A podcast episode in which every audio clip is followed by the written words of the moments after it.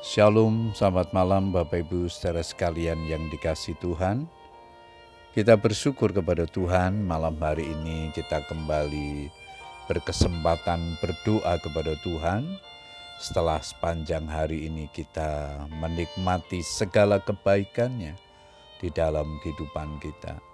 Malam hari ini sebelum kita berdoa, kita akan bersama merenungkan firman Tuhan yang malam ini diberikan tema pilihan hidup menentukan masa depan.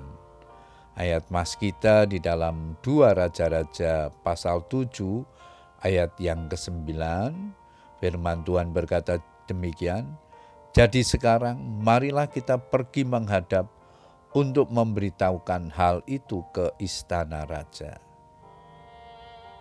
Pergumulan yang dihadapi keempat orang kusta dalam perikop yang kita baca ini tidak berhenti sampai di situ. Mereka diperhadapkan pada pilihan ketika mendapati tentara Aram sudah lari tunggang langgang dengan meninggalkan harta bendanya.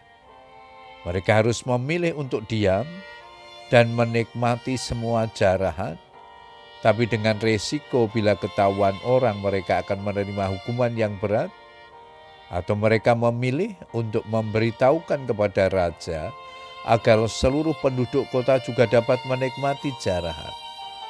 Mereka pergi lalu berseru kepada penunggu pintu gerbang kota dan menceritakan kepada orang-orang itu katanya, kami sudah masuk ke tempat perkemahan orang Aram dan ternyata tidak ada orang di sana dan tidak ada suara manusia kedengaran.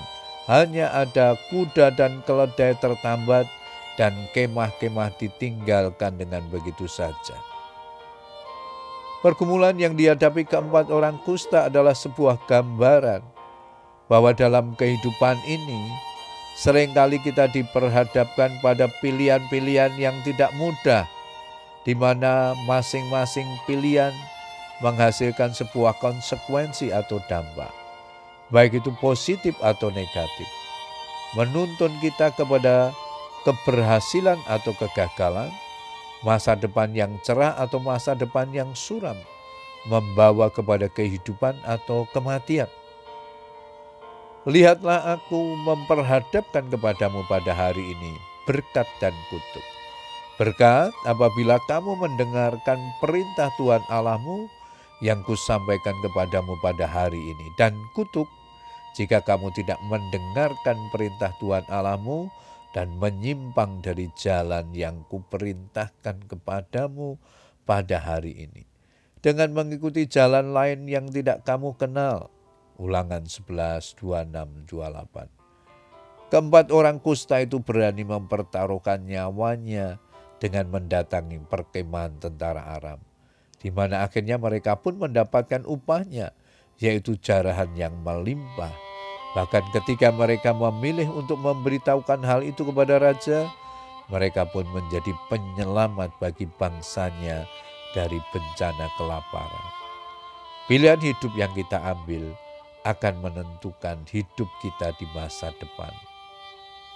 Pilihlah hal-hal yang positif. Pilihlah kehidupan supaya engkau hidup baik engkau maupun keturunanmu. Puji Tuhan Bapak Ibu saudara sekalian, biarlah kebenaran firman Tuhan yang malam hari ini kita baca dan renungkan, khususnya kita belajar dari empat orang yang sakit kusta ketika mereka mengambil pilihan yang baik menentukan masa depannya dan juga pilihannya itu boleh menjadi berkat bagi banyak orang. Mari kita belajar mengambil pilihan-pilihan yang penting dalam hidup ini agar hidup kita, masa depan kita selalu dalam pimpinan Tuhan. Selamat berdoa dengan keluarga kita. Tuhan Yesus memberkati.